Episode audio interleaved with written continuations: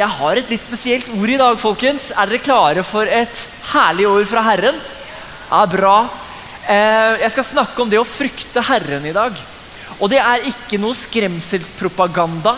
Det er ikke noe som er fra djevelen. Frykt er ikke fra djevelen. Det å frykte Herren så det er som to forskjellige ting. ikke sant? Det er ikke redselsfrykt vi snakker om her nå, men vi snakker om ærefrykt. Og det har en forståelse over at Gud er ikke en eller annen støvete bok eller en annen kompis vi bare ringer i ny og ne når vi trenger hjelp. Gud er Gud. Han er skaperen av universet. Amen. Og før vi går inn på det, så eh, opplever jeg at jeg har fått et ord til noen her. Eh, og det er et ord om at det er så lett å tenke på at den eller den personen burde vært her akkurat nå. Men nå er det du som er her. Ikke bry deg om mennesker rundt deg. Fordi vi ser i Gamletestamentet så ser vi kong Saul. Han, han gjør en feil. Han venter ikke lenge nok på profeten, så han går inn og ofrer på vegne av profeten. Profet Samuel. Og det er en fryktelig feil han gjør.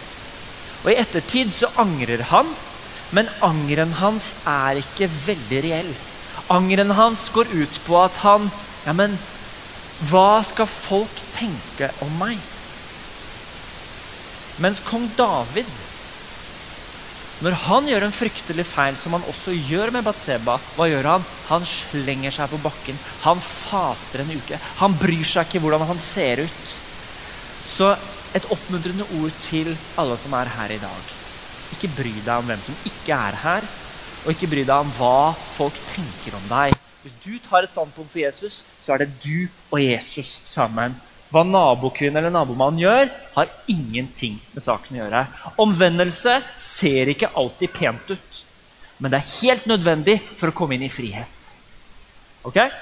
Og bare et lite ord her til oppmuntring. Du vet at Oppmuntring kan også være litt tøft iblant. du. Vi skal snakke om det å frykte Herren. Jeg er veldig klar over at jeg kan ikke dekke hele dette temaet, for det er veldig stort. Og det kan være at du sitter med en åpenbaring som du har fått, som ikke jeg greier å dekke i dag. Men vi skal nok greie å komme gjennom noe som vil oppmuntre deg og være til velsignelse for deg. I dag er du enig? Si amen. Halleluja. Andre Mosebok 20, 18-21. Vi får det opp på skjermene.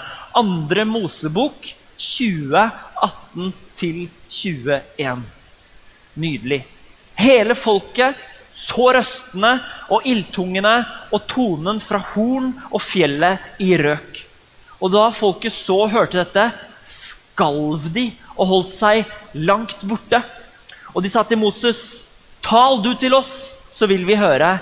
Men la ikke Gud tale til oss, for at vi ikke skal dø. Da sa Moses til folket, frykt ikke. Frykt ikke. Gud er kommet for å prøve dere, og for at frykt for ham skal være over dere, så dere ikke synder. Så ble folket stående langt borte, men Moses gikk nær til mørket, hvor Gud var. Det høres litt sånn paradoksalt ut og motsigende ut her. Først så sier Først så, sier, så står det 'frykt ikke' for at vi skal frykte. La oss ta tak i det der. Ærefrykt for Gud. Hvis vi har synd i vårt liv, så blir vi redde. Fordi det fins en dom. Men gjennom ærefrykt så kommer omvendelse og frimodighet. Så hva gjorde folket? De trakk seg unna. Hva gjorde Moses? Han gikk mot Gud i ærefrykt. Djevelen kan ikke skape. Ofte så tenker vi at Gud er her, og så er djevelen der. Det stemmer overhodet ikke. Gud er allmektig. Han er Gud. Djevelen er ikke Gud.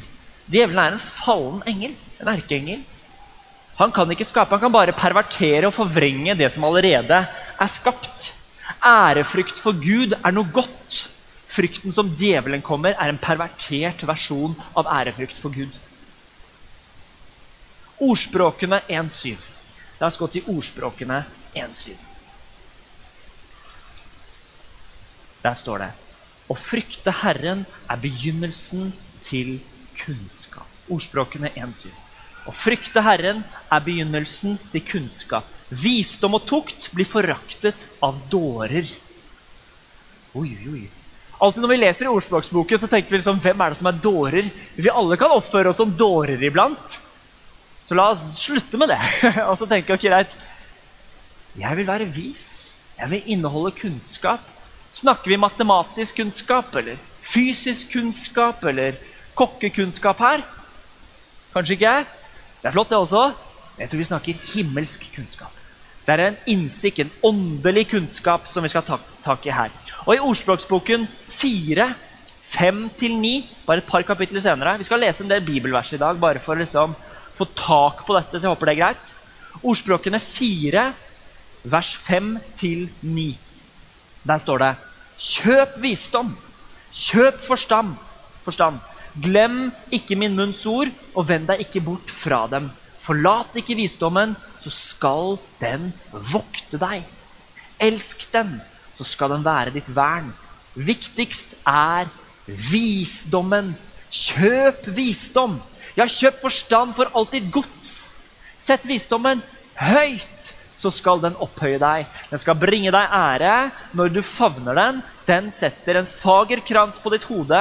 Den skal rekke deg en herlig krone. La oss hoppe til kapittel 8 og lese litt videre om hva visdommen er. Eller som vi ser i kapittel 8 i Ordspråksboken, så ser vi at den er perso personifisert. Det er et jeg.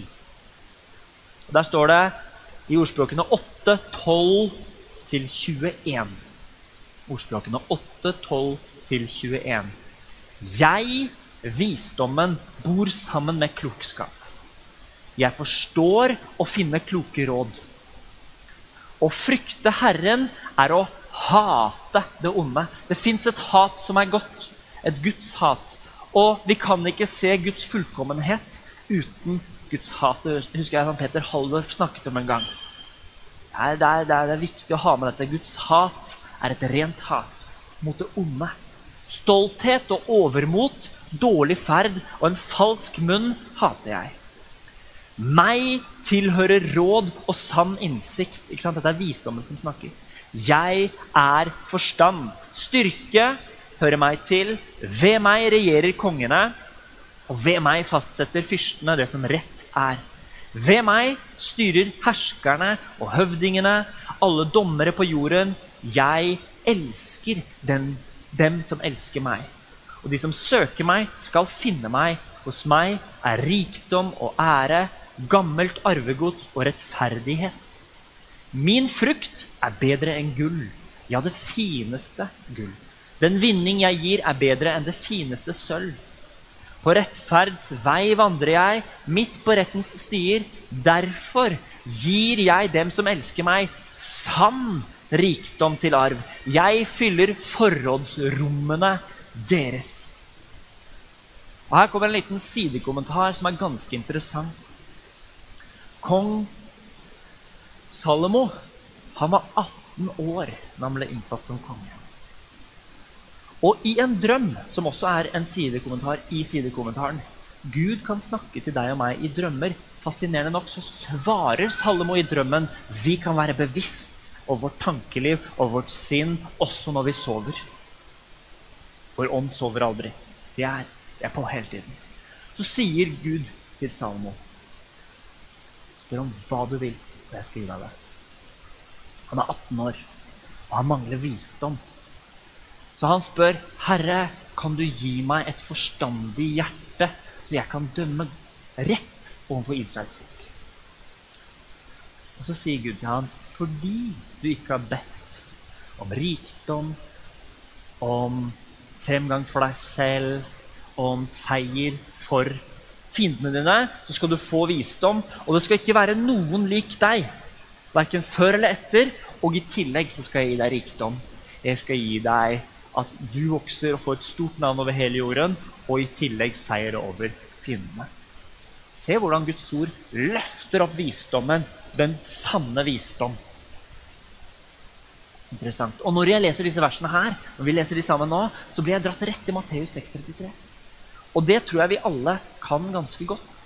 Søk først Guds rike og hans rettferdighet, så skal vi få alt dette i tillegg. Ikke sant? Og Når vi snakker om disse versene, her, så snakker vi ofte om det å søke Guds rike, men vi glemmer liksom den andre delen av hva vi skal søke. Og hans Vi tar den en gang til. Og hans Wow! Det står mye om rettferdighet når vi går inn i ordet. Det er så mange steder det står om rettferdighet, justification, hvordan vi er rettferdiggjort i Kristus. Guds rike er evig liv. Hans rettferdighet er Guds vei og måte for å få deg og meg inn i Guds rike. Hvis vi hopper bukk over rettferdigheten, så mister vi koblingen mellom oss og Guds rike.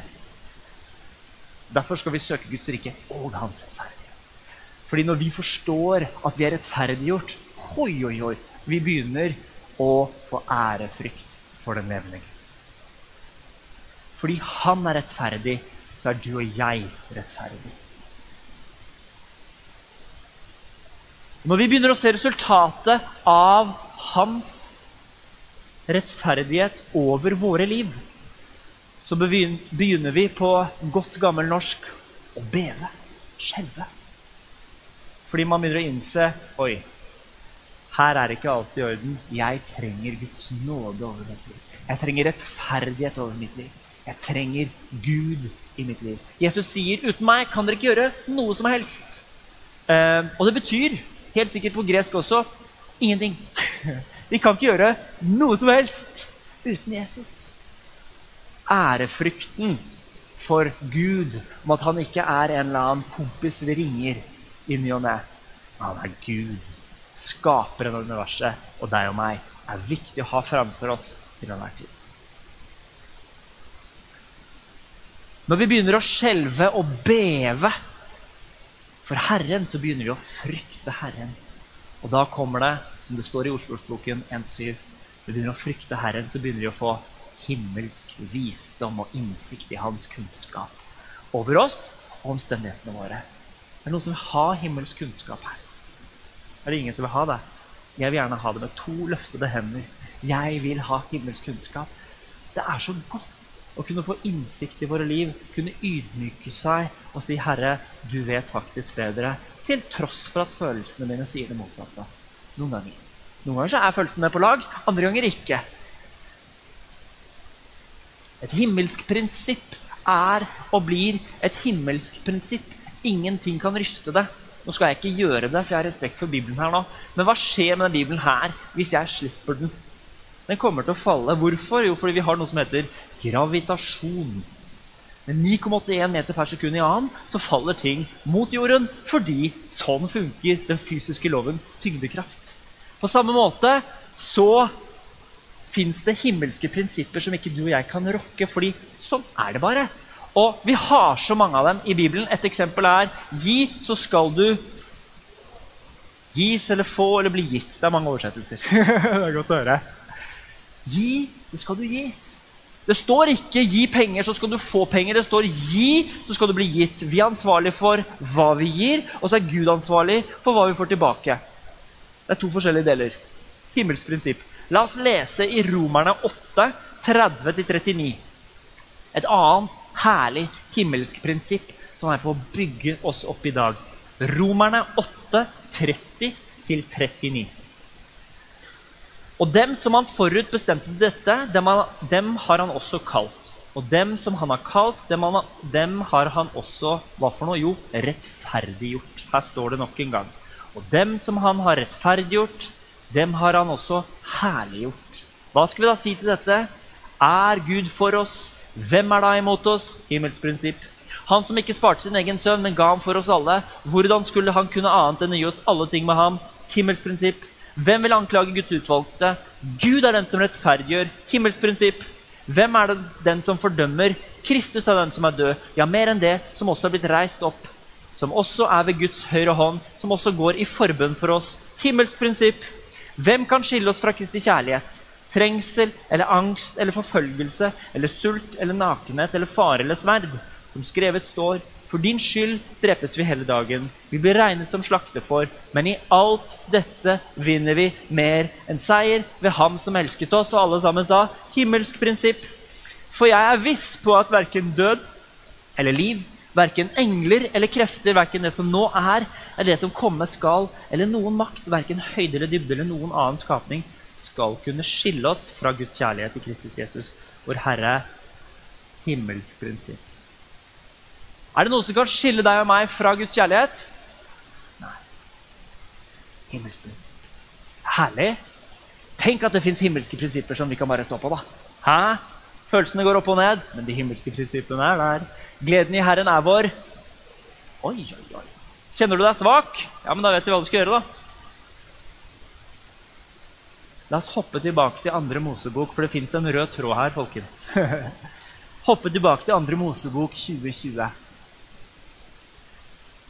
Moses sier til folket Frykt for ham skal være over dere, så dere ikke synder. Her har vi et himmelsk prinsipp som vi skal se litt på. Hvorfor er det sånn?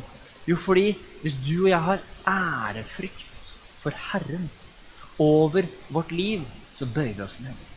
For vi må anerkjenne at han er større. Og når vi gjør det, så tenker vi ikke på dårlige greier. vet du. Vi har ikke lyst til å synde når vi sitter i Guds nærvær. Men når man ikke er i Guds nærvær, og man slipper til kjødet, det er da synden slipper til. ikke sant? Når man har ærefrykt for Gud, så savner man Øy, dette her. Selv røveren på korset fikk ærefrykt for Jesus og irettesatte den andre røveren. Og der kom tilgivelsen.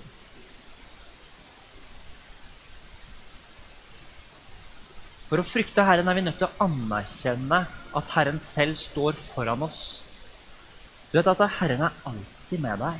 På soverommet ditt, på kontoret ditt, hjemmekontor, fysisk kontor, skolen, jobben, familie Men Gud er alltid med deg. For det står det i Matteus. Se, jeg med dere alle dager inn til verdens ende. Og idet vi begynner faktisk å anerkjenne at Herren er med oss, så får vi også ærefrykt for at Herren er med oss. Da tenker vi over hva vi sier, da tenker vi over hva vi gjør. Når vi har ærefrykt for det, så tenker vi ok, greit. Hvordan skal jeg svare sjefen min når han eller hun behandler meg litt sånn sketchy her nå? Åh, så godt det gjør. Å kunne få lov til å bare ransake seg selv. Jeg sier ikke at jeg har alt dette her på stell, men det er så godt å se på de himmelske prinsippene, fordi de er der for vår del. Når vårt sinn er fokusert på dette her, så synder vi ikke. Sånn? Frykt for ham skal være over dere, så dere ikke synder, sier Moses til folket.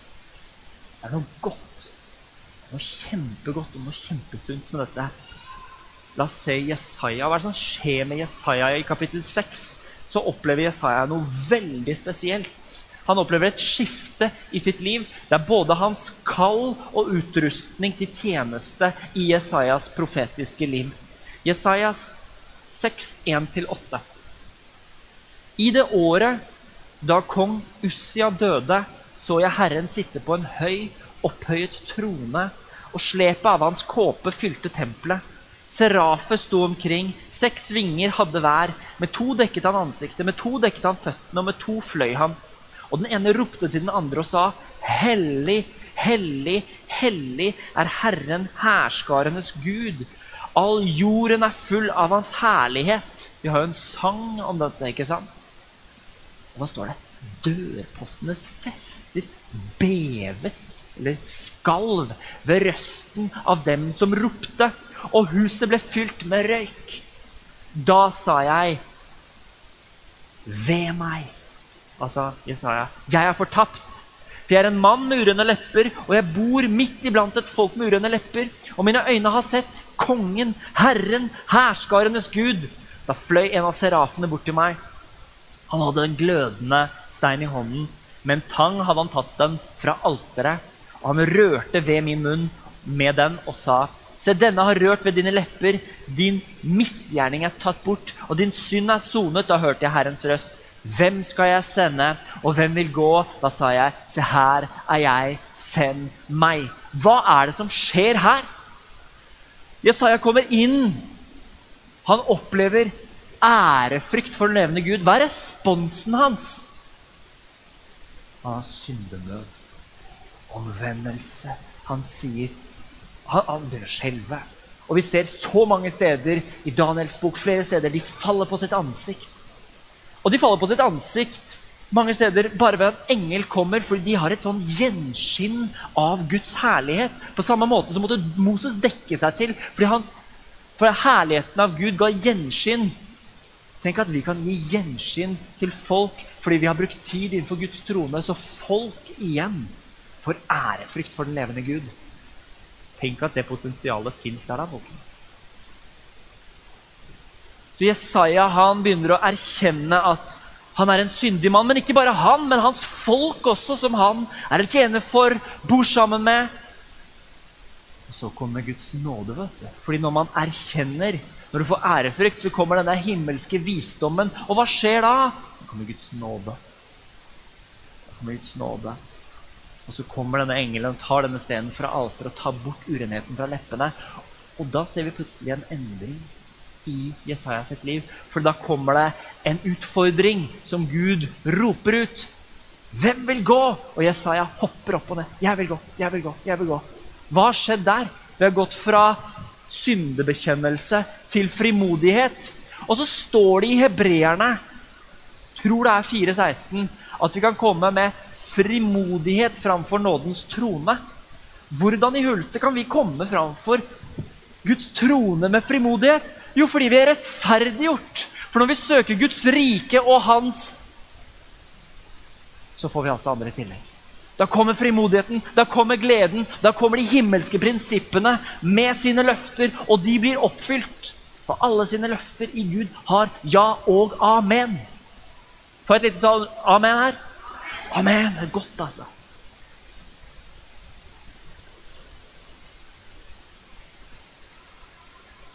Frykt for Gud gjør oss frimodig. Ikke det motsatte. Frykt fra djevelen, hva gjør det? Vi holder oss borte fra forsamlingen, vi holder oss borte fra bekjennelsen, vi holder oss borte fra ordet, vi holder oss borte fra Gud. Djevelens frykt er en pervertert form for frykt som ikke vi skal ha noe med. Ærefrykt for den levende Gud gjør oss frimodige fordi vi erkjenner at vi kan ikke gjøre noe uten gjennom Jesus Kristus. Å frykte Herren er å anerkjenne at uten Gud er vi hjelpeløse. Å frykte Herren er å anerkjenne Hans gave av nåde over våre liv. Å frykte Herren er å anerkjenne Hans nærvær hvor enn du er. Når du går inn på jobben din, når du går inn på skolen, studiestedet, inn i huset, blant venner, så går treenigheten med deg fordi du er fylt opp av den levende Gud. Tenk det. Og når du er bevisst over det, så er du også bevisst over hva du sier, hvordan du handler og oppfører deg overfor dine medmennesker. For det er noen som har sagt det, at uh, vi skal forkynne overalt. Og i tillegg så kan vi jo gjerne snakke litt om det. Fordi hva vi gjør, forkynner mye mer enn hva vi sier. Ikke sant? Vi skal være ordets gjørere, ikke bare dets hørere og snakkere. Døperen Johannes sier til alle de som står rundt seg i Johannes 3.30. Lovsangen kan komme opp. Han skal vokse, og jeg skal avta. Fordi Johannes hadde møtt Tenk, han hadde møtt fetteren sin, men han anerkjente at fetteren sin var Jesus, den levende Gud. Jeg sier ikke det om fetteren min. Jeg er glad i fetteren min, altså, mange av de. men jeg sier ikke det. Han skal ikke vokse i livet. Det er Jesus som skal vokse i livet mitt. Jesus må være i sentrum av livene våre. Ikke aktivitetene våre, ikke jobben, ikke bilen, ikke huset, ikke familien. Det er Jesus som må være i sentrum av livene våre. Fordi når vi har Jesus som sentrum av våre liv, da er det Jesus som er sentrum av våre liv, og han som sitter på tronen i våre hjerter. Ikke noe annet. Det er jo det som er poenget med Altså, vi, vi kaller Jesus herre. På engelsk heter det lordship. Han er jo vår herre. Og når vi ser på hva som står i Matteus 6.33, så virker det som at dette verset her er delt i to. Ikke sant? På samme måte som Jesus skal det bli gitt deg, så er dette her også delt i to. Den ene delen er vår, og den andre delen er Guds del. Søk da først Guds rike og hans rettferdighet. Det er vår del. Og alt dette andre skal bli gitt dere. Det er Guds del. Ikke sant? Fokuset vårt ligger ofte på rewarden, hva er det på norsk? Eh, hæ? Belønningen. Takk skal du ha. Belønningen. Det er jo ikke der vi skal fokusere. Vi vet at vi skal en gang hjem til himmelen. Belønningen vår er jo å se, altså Når du leder, er med på å lede noen til frelse, så er belønningen nok med å se fjeset til den personen som bare blir fri. Tenk det, altså Vi blir jo mer glad enn selve personen omtrent. da. Så der får du en belønning i seg selv. Men vi skal få til å søke Guds rike og hans rettferdighet og oppleve hans godhet over våre liv. Og så kan han ta seg av alt det andre. Det funker fordi det er et Guds prinsipp. Og det er faktisk det å frykte Herren er også å anerkjenne hva som er Guds del. For ofte så ønsker vi å ta Guds del. Skal be for syke. Nå skal jeg be for en syk. Så skal du få til å se at når jeg ber, så blir du frisk. Ja, Men da tar du jo Guds oppgave, da, for det er ikke jeg som har dødd for den syke. Det er ikke jeg som har kraft til å helbrede. Det er Jesus ene alene som har kraft til å helbrede. Vi er bare en kanal for Gud. Vi, vi er en elv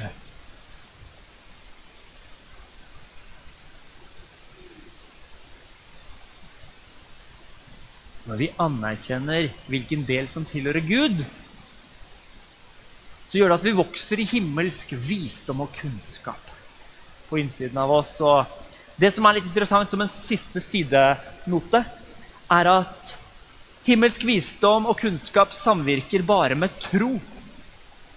Og Jeg kunne nesten liksom bare fortsatt inn i dette trosaspektet, men vi skal på en måte avslutte med å lese Hebreerne 11, 3 og 6. Hebreerne 11, 3 og 6. Fordi vi har, en, vi har en kunnskap og visdom som finnes i den verden her, men den ofte oppblåser til selviskhet. Men det fins en himmelsk visdom og kunnskap som bare samvirker med tro. Og det står i Hebreerne 11, 3 og 11, 6, så står det Ved tro skjønner vi at verden er skapt ved Guds ord. Så det en kan se, ikke er blitt til av det synlige ved tro, folkens. Men uten tro er det umulig å være til behag for Gud. For den som trer fram for Gud, må tro at han er til, og at han lønner dem som søker ham. Her er det en sånn, nok en sånn himmelsk nøkkel og himmelsk prinsipp at vi må tro på at Gud virkelig lønner deg. Vi er rettferdiggjort i Kristus Jesus. Er det noen her som har tatt imot Jesus som sin herre og frelser? Du er rettferdiggjort i Kristus Jesus. Du er kjøpt fri fra syndens slaveri. Alle bånd er brutt over ditt liv. Det gjør at du kan komme frimodig framfor nådens trone og tro at han er til, at han lønner deg når du søker ham med et oppriktig hjerte. Amen. La oss reise oss opp. Herre, jeg takker deg for at du er her akkurat nå.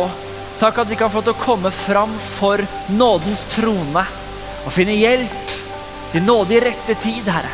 Vi takker deg, Jesus, for at du er så god, at du har åpnet veien, at du har gjort oss rettferdige. For uten deg kan vi ikke gjøre noe som helst. Og ingen av oss står her i egen kraft. Vi står i kraft av lammets blod. Vi takker deg, Jesus, for at du er så god. Vi takker deg, Jesus, at vi får ta imot disse gavene komme framfor deg, anerkjenne at du er den du er. Du er vår Herre, du er vår Gud. Vi ærer deg for det. Jesus. Takk, Jesus. Takk, Jesus. Å, Jesus Kristus. Jeg skal bare stå innenfor Herren et lite øyeblikk. og om, om, litt så kommer jeg til å spørre deg og hvis du er her og du ikke har tatt imot Jesus som din herre og frelser før Mulig at du kanskje har liksom, du kjenner til Jesus, men det å ta imot han som sin herre og frelser, det å omvende seg fra synd og en syndig livsstil og komme over i Guds rike og ta imot Hans nåde Jeg skal stille deg det spørsmålet om litt. Om du er her og ønsker å ta imot Jesus som din herre og frelser. La oss bare ha et refreng av en lovsang, og så stopper vi opp og så tar vi det spørsmålet etterpå. Så skal du få til å ransake våre hjerter.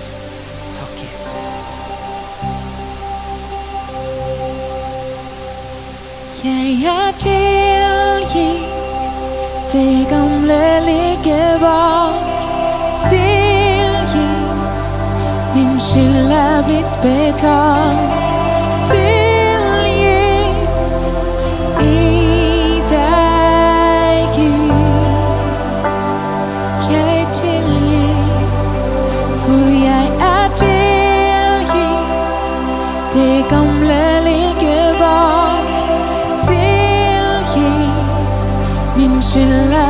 betalt, tilgitt i deg, Gud. Hvis alle kan lukke sine øyne, og så står vi innenfor Herren, og var det jeg startet med å si, nå bryr vi oss ikke noe om hvem som står ved vår side foran eller bak oss. Nå står vi innenfor Guds ansikt. Du er her, og du aldri har tatt imot Jesus, eller du ønsker å komme tilbake til Jesus og gjøre han som herre i ditt liv, det vil si at du faktisk må gi opp deg selv, omvende deg fra synd, omvende deg fra syndig livsstil og komme tilbake til Jesus. Hvis du er her, så løft din hånd høyt opp som et synlig tegn på at jeg vil ha Jesus inn i livet, fordi han hang synlig på et kors for deg og meg for å ta på seg den synden og skammen som du og jeg har levd. Du er her, så løft opp din hånd hvis du ønsker å ta imot Jesus Kristus som din Herre. Noen her som ønsker det.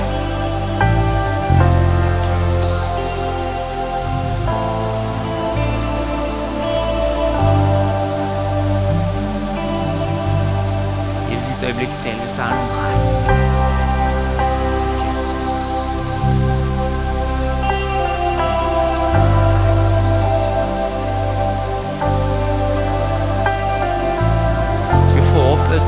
trosbekjennelsen på skjermen? Skal vi ta oss og bekjenne troen på Jesus sammen før vi også går inn i nattverd etterpå?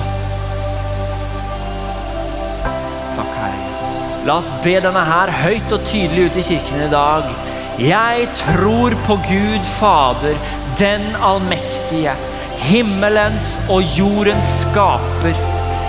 Jeg tror på Jesus Kristus, Guds enbårne sønn, vår Herre, som ble unnfanget ved Den hellige ånd, født av jomfru Maria, pint under Pontius Pilatus, korsfestet, død og begravet, for ned til dødsriket, sto opp fra de døde tredje dag, for opp til himmelen, sitter ved Guds den allmektige Faders høyre hånd, skal derfra komme igjen for å dømme levende og døde. Jeg tror på Den hellige ånd, en hellig allmenn kirke, de hellige samfunn, syndenes forlatelse, legemets oppstandelse og det evige liv. Amen.